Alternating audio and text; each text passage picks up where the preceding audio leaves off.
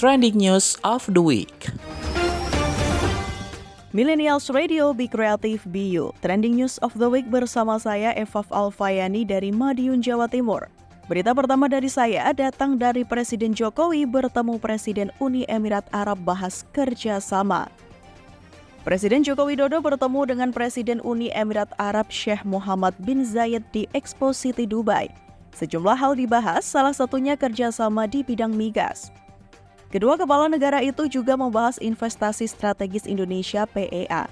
Presiden Jokowi menyampaikan apresiasi atas dukungan Uni Emirat Arab dalam proyek PLTS 145 MW di Cirata, Jawa Barat. Presiden Jokowi juga berharap dukungan serupa untuk merealisasikan sejumlah proyek strategis lainnya di tanah air. Jokowi juga turut membahas kerjasama di bidang meteorologi dan geofisika. Indonesia berharap dukungan Uni Emirat Arab untuk meningkatkan teknologi early warning system sebagai antisipasi gempa dan tsunami. Bidang ketenaga kerjaan tak luput dari pembahasan.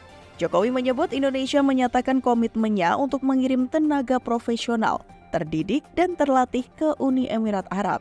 Oleh karena itu, Presiden minta agar pemerintahan Uni Emirat Arab dapat memberikan jaminan perlindungan bagi para pekerja migran Indonesia.